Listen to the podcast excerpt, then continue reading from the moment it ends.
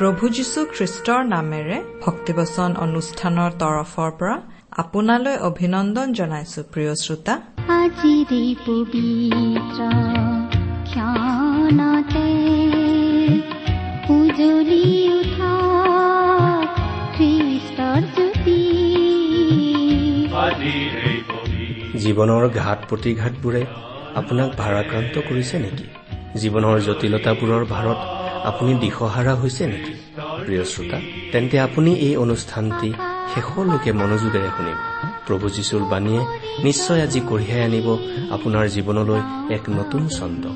দিশহাৰা জীৱনক এক সঠিক দিশ প্ৰদৰ্শন কৰিবলৈ এয়া আপোনালৈ আগবঢ়াইছো পবিত্ৰ বাইবেল শাস্ত্ৰৰ শিক্ষামূলক অনুষ্ঠান ভক্তিবচন। আজিৰে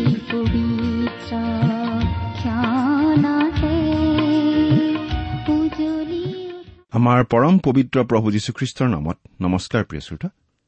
আশা কৰো মহান পিতা পৰমেশ্বৰৰ মহান অনুগ্ৰহত আপুনি ভালে কুশলে আছে।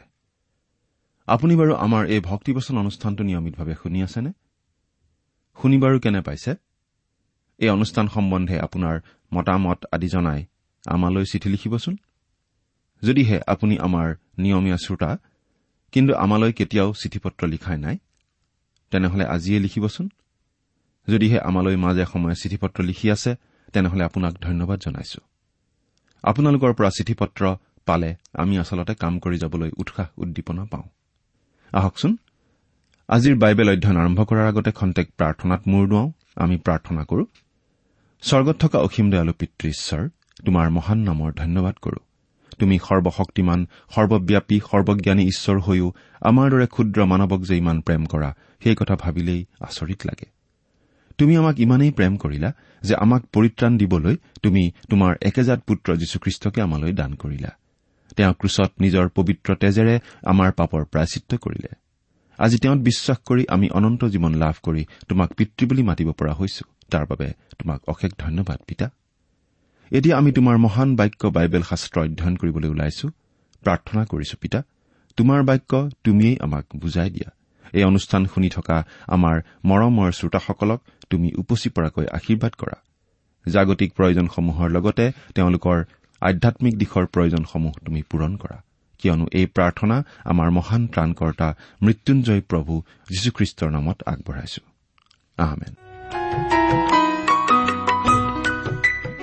প্ৰিয় শ্ৰোতা আপুনি যদিহে আমাৰ এই ভক্তিবচন অনুষ্ঠানটো নিয়মিতভাৱে শুনি আছে তেনেহলে আপুনি নিশ্চয় জানে যে আমি আজি ভালেমান দিন ধৰি বাইবেলৰ পুৰণি নিয়ম খণ্ডৰ হিতুপদেশ নামৰ পুস্তকখন অধ্যয়ন কৰি আছো। নহয়নে বাৰু? আমি ইতিমধ্যে বহুদূৰ আগবাঢ়ি আহিলো আৰু আমি এই হিতুপদেশ পুস্তকখনৰ একৈশ নম্বৰ অধ্যায়ৰ শেষৰ পদটোলৈকে পঢ়ি আমাৰ আলোচনা ইতিমধ্যে আগবঢ়ালো। আজিৰ অনুষ্ঠানত আমি এই হিতুপদেশ পুস্তকৰ বাইশ নম্বৰ অধ্যায়টো আলোচনাৰ বাবে হাতত ল'ব খুজিছো। আপোনাৰ লগত যদি বাইবেল আছে অনুগ্ৰহ কৰি মেলি লওক। আমি বাইবেলৰ পৰা পাঠ কৰি দিব খুজিছো। প্ৰথমতেই আমি এই হিতুপদেশৰ বাইশ নম্বৰ অধ্যায়ৰ এক নম্বৰ পদটো পঢ়ি দিছো। ইয়াত এনেদৰে লিখা আছে প্ৰচুৰ ধনতকৈ সুখ্যাতি বাঞ্ছনীয় আৰু সোণ আৰু ৰূপতকৈও প্ৰসন্নতা ভাল। এই পদটোত সুখ্যাতি শব্দটোৰ ঠাইত সুনাম বা প্ৰসন্নতা শব্দটোৰ ঠাইত যশস্যাযুক্ত হলে বুজাত আৰু বুজোৱাত অধিক সহজ হয়। অৱশ্যে ইয়াত সুনাম মানে মানুহে মানুহক ভাল পাই দিয়া নাম নহয়। আমাৰ এগৰাকী বন্ধু আছিল মানে এতিয়াও আছে তেওঁৰ আচল নামটো বৰ বেলেগ।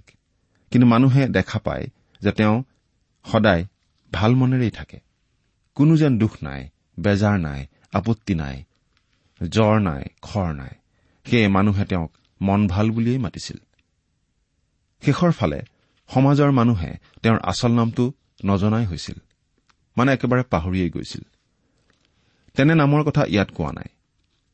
অৱশ্যে সেইটো এক প্ৰকাৰ সুনামৰ দৰেই হৈছিল কাৰণ সেইটো তেওঁৰ আচৰণৰ কাৰণেই হৈছিল। কিন্তু হলেও সেইটো তেওঁৰ এটা নামো আছিল।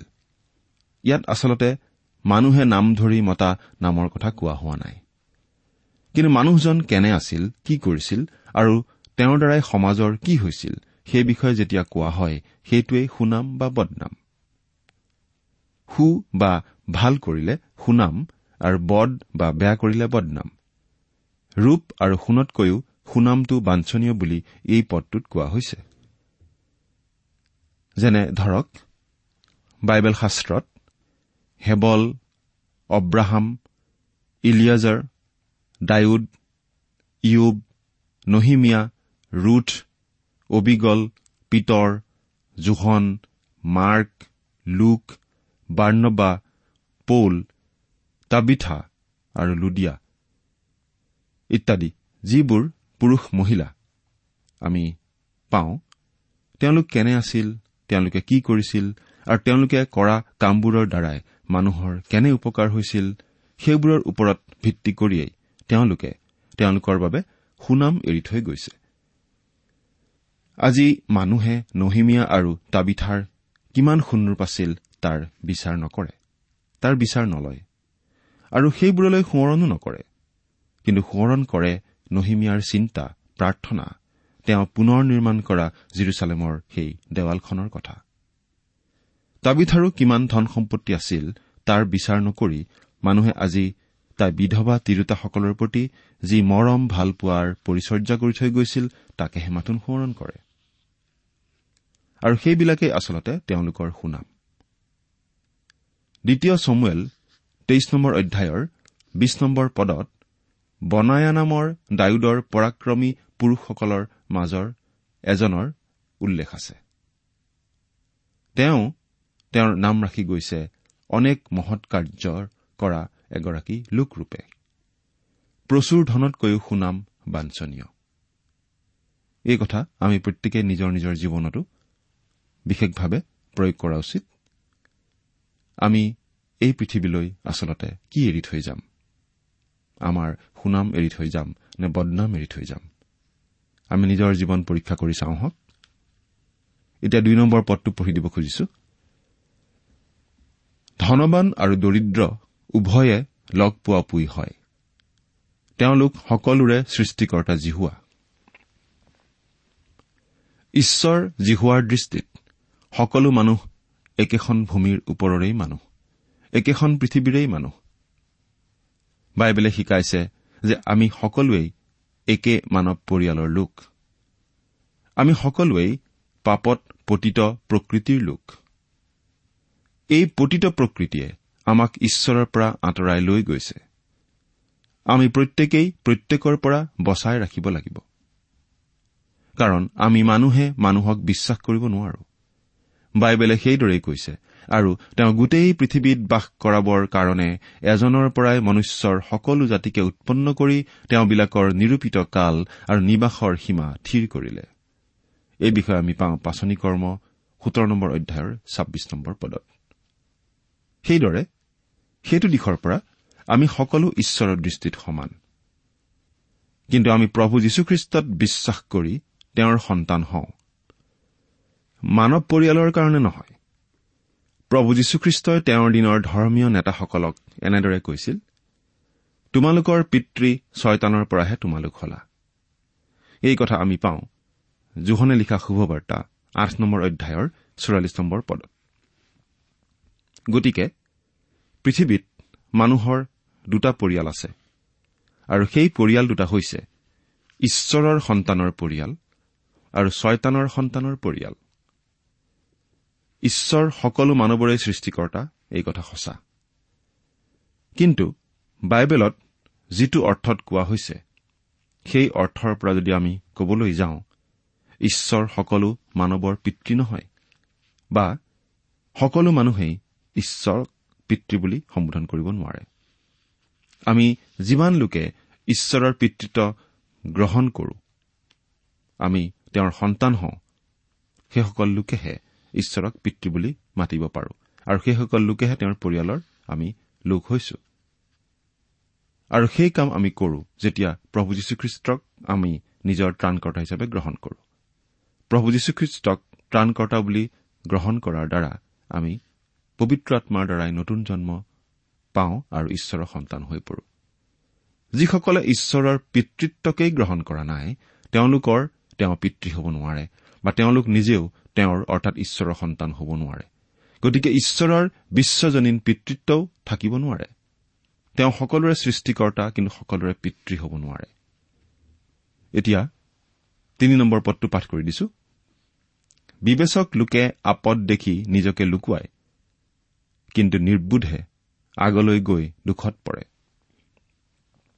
প্ৰিয় শ্ৰোতা আপুনি বুদ্ধিয়ক মানুহ হবলৈ ইচ্ছা কৰেনে? তেন্তে ভৱিষ্যতৰ কাৰণে যুগুত হওক নিজকে প্ৰস্তুত কৰক। জীৱন বীমা আদি কৰি বহু চৰকাৰী আৰু বেচৰকাৰী বিভাগ আৰু সংগঠন আজিকালি ওলাইছে যিবিলাকে আপোনাক সেই ক্ষেত্ৰত সহায় কৰিবলৈ ইচ্ছা কৰে। কিন্তু সেইবোৰৰ লগতেই আৰু এটা ভৱিষ্যতৰ কথা আপুনি চিন্তা কৰিছেনে কৰা নাই বাৰু? অনন্ত ভৱিষ্যতৰ কথা? বাইবেলে এনেদৰে কৈছে যে যি মানুহে অনন্তকালৰ নিৰাপত্তাৰ কাৰণে একো পৰিকল্পনা নকৰিব তেওঁ মূৰ্খ মানুহ। এবাৰ এহাল বৰ চহকী পৰিয়ালৰ ল'ৰা ছোৱালীৰ বিয়া হৈছিল।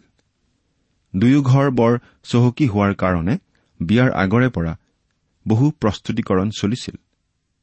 বিয়াৰ পাছত বাস কৰিবলৈ ৰাজ অট্টালিকা সদৃশ অতি সুন্দৰ আৰু দামী ঘৰ সাজি প্ৰস্তুত কৰি ৰাখিছিল। জাক জমকতা চিঞৰ বাখৰ গান বাজনা খোৱা বোৱা আৰু হাঁহি ধেমালিৰ মাজত বিয়াখন সম্পন্ন হৈ গৈছিল।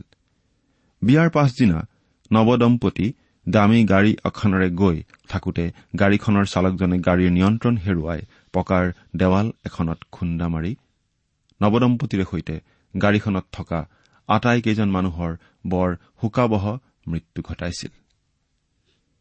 বহু ধন ভাঙি নিৰ্মাণ কৰি প্ৰস্তুত কৰি ৰখা সেই ঘৰখনত তেওঁলোক সোমাবলৈকেই নাপালে। পাৰ্থিৱ সুখ ভোগ কৰাৰ ৰঙা নীলা সপোনত মজি থাকি অনন্ত ভৱিষ্যতৰ নিৰাপত্তাৰ বাবেও তেওঁলোক প্ৰস্তুত হৈ থাকিব নোৱাৰিলে। কি সাংঘাতিক দুখৰ কথা নহয়নে বাৰু?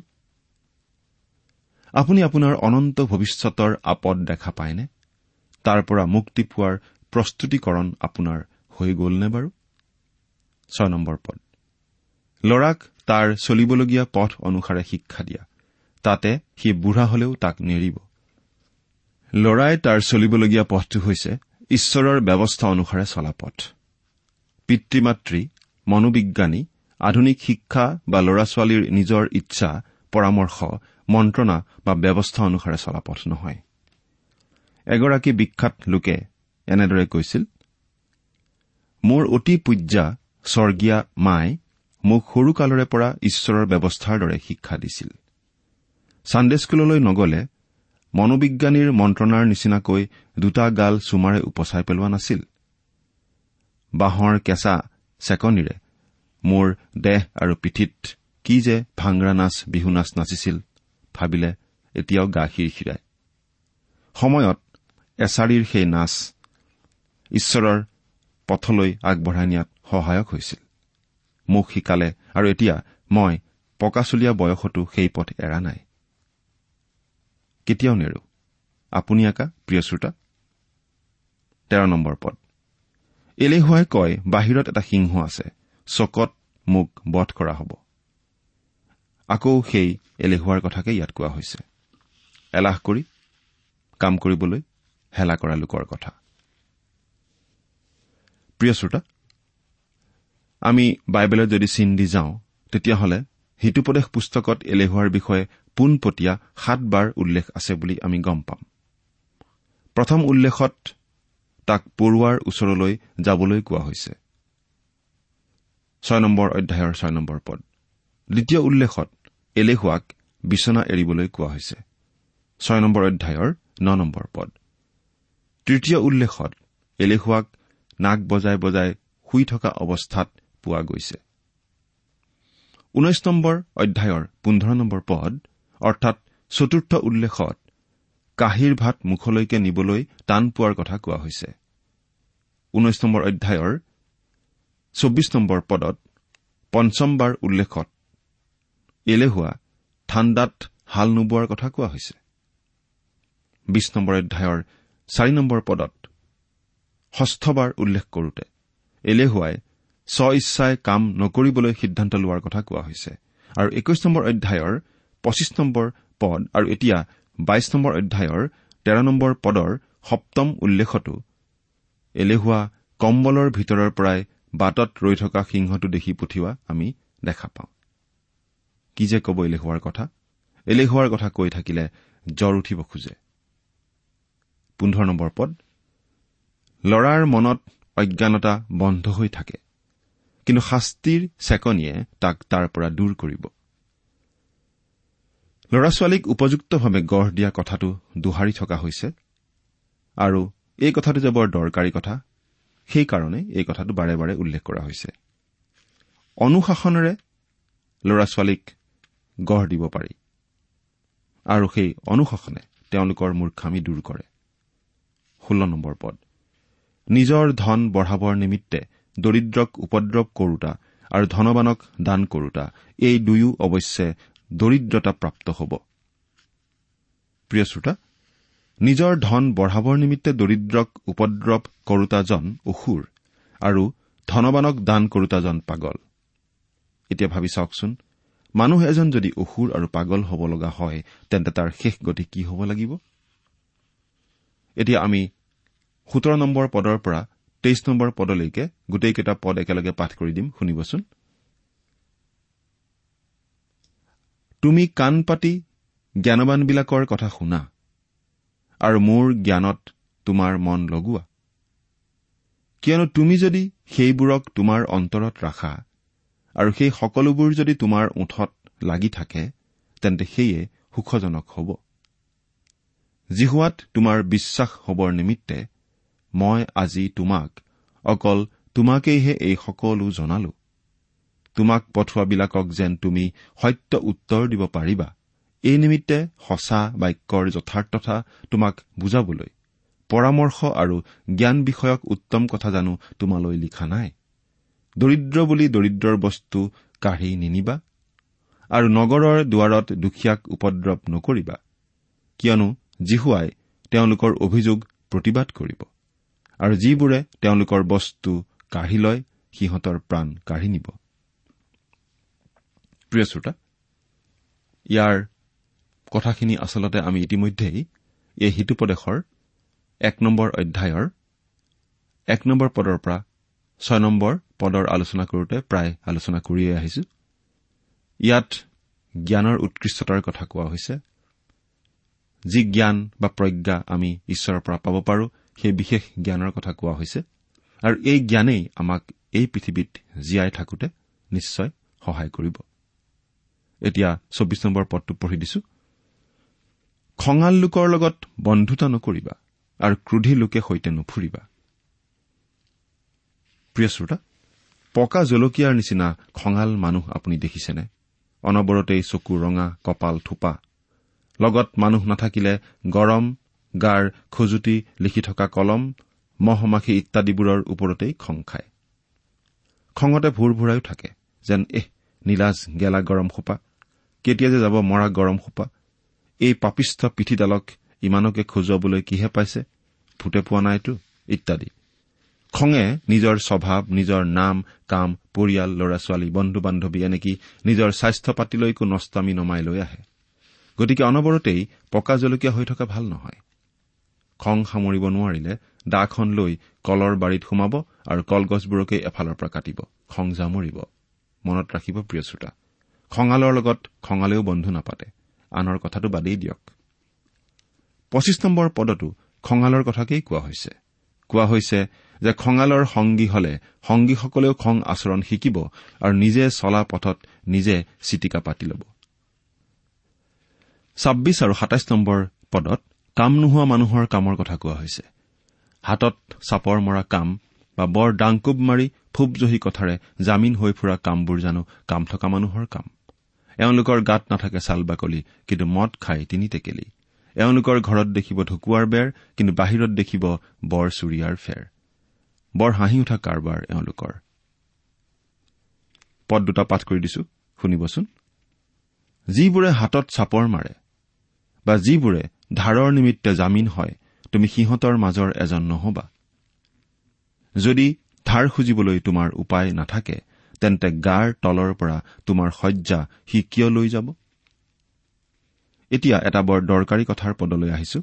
আঠাইছ নম্বৰ পদ। তোমাৰ পূৰ্বপুৰুষবিলাকে স্থাপন কৰা মাটিৰ সীমাৰ পুৰণি চিন নলৰাবা। ঈশ্বৰে যেতিয়া ইছৰাইলক মিছৰ দেশৰ পৰা উলিয়াই লৈ আহিছিল তেওঁ তেওঁলোকক বসতি কৰিবৰ নিমিত্তে মাটি দিছিল। তেওঁ প্ৰত্যেক ফৈদকে এক এক এলেকা নিৰ্ধাৰণ কৰি বসতি কৰিবৰ নিমিত্তে মাটি দিছিল। এনেকৈ প্ৰত্যেক ফৈদৰ প্ৰতিটো পৰিয়ালৰ নিমিত্তেই একো একোডোখৰ মাটি দিছিল। প্ৰতিটো পৰিয়ালেই নিজৰ নিজৰ মাটিডোখৰ একো একোটা স্থায়ী চিনেৰে সীমাৰ চিন দিব লাগিছিল। সাধাৰণতে শিলৰ খুটাৰেই মাটিৰ সীমাৰ চিহ্ন দিয়া হৈছিল। মাটি যেতিয়া আমি আগচি লওঁ বা যেতিয়া আমি কিনো আমিও বেৰ দি নাইবা নৰ্দমা কাটি আমাৰ ডোখৰ মাটিৰ সীমা নিৰ্ধাৰণ কৰি লওঁ। সীমা নিৰ্ধাৰণ কৰি লোৱাৰ অৰ্থ হৈছে যে আমি আমাৰ ডোখৰ মাটিৰ সীমাৰ ভিতৰতেই থাকিব লাগে। তাৰ পৰা যেন আগবাঢ়ি গৈ আনৰ মাটিৰ ফালে সীমা ঠেলা নহয়। ইছৰাইল জাতিক ঈশ্বৰে মাটিৰ সীমাৰ সংক্ৰান্তত কিছুমান নীতি নিৰ্ধাৰণ কৰি দিছিল। এইবুলি তোমাৰ ঈশ্বৰ জিহুৱাই আধিপত্যৰ অৰ্থে তোমাক যি দেশ দিছে সেই দেশত তুমি পাব লগা আধিপত্যত পূৰ্বকালৰ লোকবিলাকে স্থাপন কৰা তোমাৰ ওচৰ চুবুৰীয়াৰ সীমাৰ চিন নলৰাবা। দ্বিতীয় বিৱৰণ ঊনৈশ নম্বৰ অধ্যায়ৰ চৈধ্য নম্বৰ পদত আমি এই বুলি পাওঁ। এই পুৰণি সীমাবোৰেই যুগ যুগ ধৰি স্থায়ী সীমা আছিল। সীমাৰ পুৰণি খুঁটিবোৰ যেন লৰোৱা নহয় সেইটো বৰ প্ৰয়োজনীয় কথা আছিল। কাৰণ যেতিয়া কোনো মানুহ বৃদ্ধ হয় আৰু চকুৰ দৃষ্টিও হেৰুৱায় তেতিয়া কোনো ওচৰ চুবুৰীয়াই তেওঁৰ দৃষ্টিহীনতাৰ সুযোগ লৈ তেওঁৰ মাটিৰ সীমাৰ পুৰণি খুঁটি লৰাই সীমা ঠেলিব পাৰে। ঈশ্বৰে কৈছিল যে তেনে কাম কোনেও কৰিব নালাগিব। তেনে কৰাটো অন্যায় কাম হ'ব। ইয়াৰ পৰা আমি আমাৰ খ্ৰীষ্টীয় জীৱনৰ বাবে বৰ প্ৰয়োজনীয় আৰু ডাঙৰ শিক্ষা আহৰণ কৰিব পাৰো। আজি আমি যিসকল লোকে লক্ষ্য কৰিবলৈ ইচ্ছা কৰো সেইসকলে দেখা পাওঁ যে আমাৰ খ্ৰীষ্টীয় বিশ্বাসৰ পুৰণি সীমাখুটিবোৰ লৰোৱা হৈছে। খ্ৰীষ্টীয় মণ্ডলী আৰু শিক্ষাত প্ৰৱেশ কৰা নতুন শিক্ষা আৰু নৰম পন্থাবাদৰ শিক্ষকসকলে খ্ৰীষ্টীয় বিশ্বাসৰ পুৰণি খুঁটিবোৰ লৰাই কবলৈ লৈছে এনেধৰণৰ কথাবোৰ। মাটিৰ সীমাৰ পুৰণি খুঁটিৰূপ পৌলৰ দিনৰ সেই শিক্ষাটো এতিয়া আৰু সময় উপযোগী নহয়। বাইবেল শিক্ষাৰ জ্ঞানত আমি যিহেতু ইমান দূৰলৈ আগুৱালো গতিকে আমি এতিয়া আৰু বিশ্বাস কৰি থাকিব নালাগিব যে বাইবেলখন ঈশ্বৰ নিশ্বাসিত বাক্য। সেইটো বিশ্বাস আমি এতিয়া সহজে জলাঞ্জলি দিব পাৰো। খ্ৰীষ্টৰ ঈশ্বৰত্বৰ নিচিনা বিশ্বাসটোকো আমি এতিয়া পাহৰিব পাৰো। এৰা এনেকুৱা বহুতো কথা তেওঁলোকে ক'ব খোজে। বহু প্ৰাচীন খ্ৰীষ্টীয় সম্প্ৰদায়ৰ মণ্ডলীসমূহে বাইবেলৰ এই প্ৰধান আৰু প্ৰয়োজনীয় শিক্ষাবোৰ বাদ দিছে বৰ্তমান সময়ৰ লগত খাপ খাই চলিবলৈ তেওঁলোকে ইচ্ছা কৰিছে বাবে। কিন্তু সীমাৰ পুৰণি খুঁটি লৰাই আমি আগবাঢ়ি গৈ বহু প্ৰয়োজনীয় বাইবেল শিক্ষা বাদ দিয়াৰ সলনি আমি পুনৰ সীমাৰ পুৰণি খুঁটিলৈ ঘূৰি গৈ সেই প্ৰয়োজনীয় শিক্ষাবোৰত লাগি থকাহে প্ৰয়োজন। কাৰণ সীমাৰ সেই পুৰণি খুঁটিবোৰে খ্ৰীষ্টীয় লোকৰ দেশ আৰু জাতিসমূহক বৰ মহান কৰি তুলিছিল। নৈতিক মূল্যবোধ আধ্যামিক সত্যতা আৰু বাইবেল শাস্ত্ৰীয় ভিত্তি ইত্যাদিবিলাকৰ নিচিনা সীমাৰ পুৰণি খুঁটিবোৰ আজি লৰাই পেলোৱা হৈছে আৰু সেইবাবেই নামি আহিছে গোটেই সমাজলৈ অৱক্ষয়। বৰ্তমানৰ সমস্যাসমূহৰ সমাধানসমূহ কি কি হ'ব পাৰে সেইবোৰ জনাৰ কথা কৈ ফুৰা শিক্ষক আজি অনেক। তেওঁলোকে কয় যে সমস্যাসমূহৰ সমাধানসমূহ হৈছে সামাজিক আৰু মনোবৈজ্ঞানিক ভিত্তিক।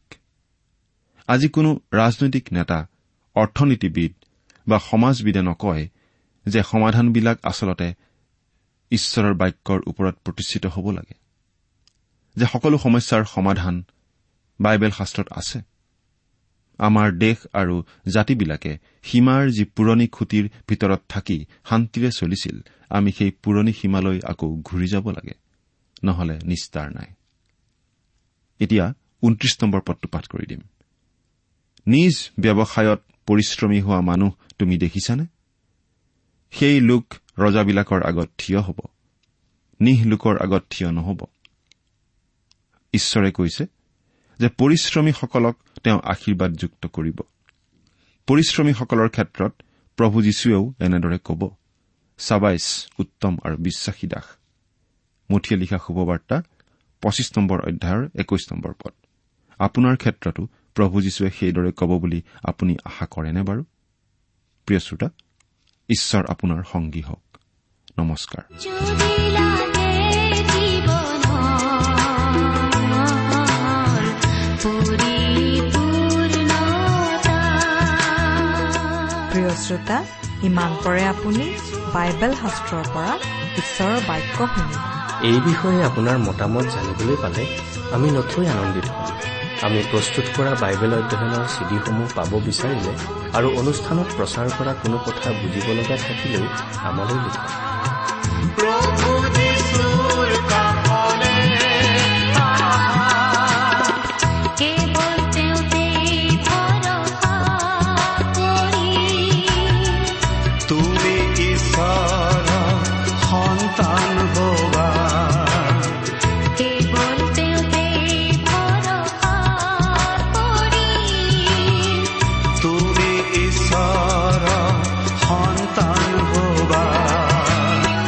যদি লাগে জীৱন পৰিপূৰ্ণতা আমাৰ যোগাযোগৰ ঠিকনা ভক্তিবচন ট্ৰান্স ৱৰ্ল্ড ৰেডিঅ' ইণ্ডিয়া ডাক পাকচ নম্বৰ সাত শূন্য গুৱাহাটী সাত আঠ এক শূন্য শূন্য এক। ঠিকনাটো আকৌ এবাৰ কৈছো ভক্তি বচন ট্ৰান্স ৱৰ্ল্ড ৰেডিঅ' ইণ্ডিয়া ডাক বাকচ নম্বৰ সাত শূন্য গুৱাহাটী সাত আঠ এক শূন্য শূন্য এক। জীৱনৰ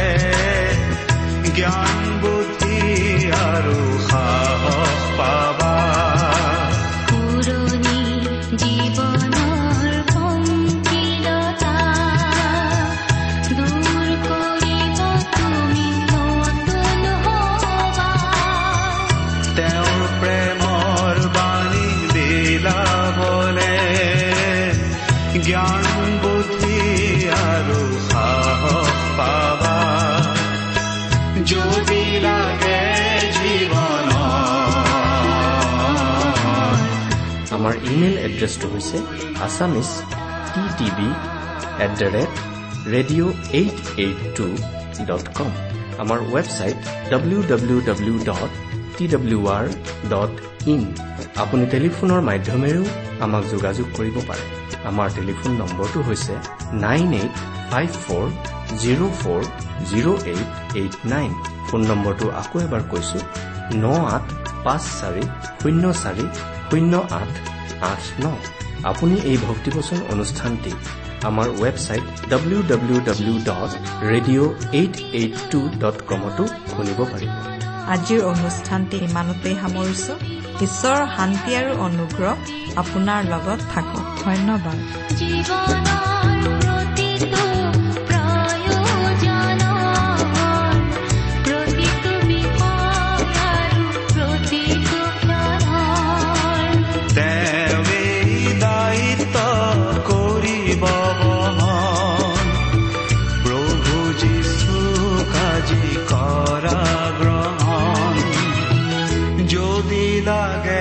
ಜೀವಾನಾ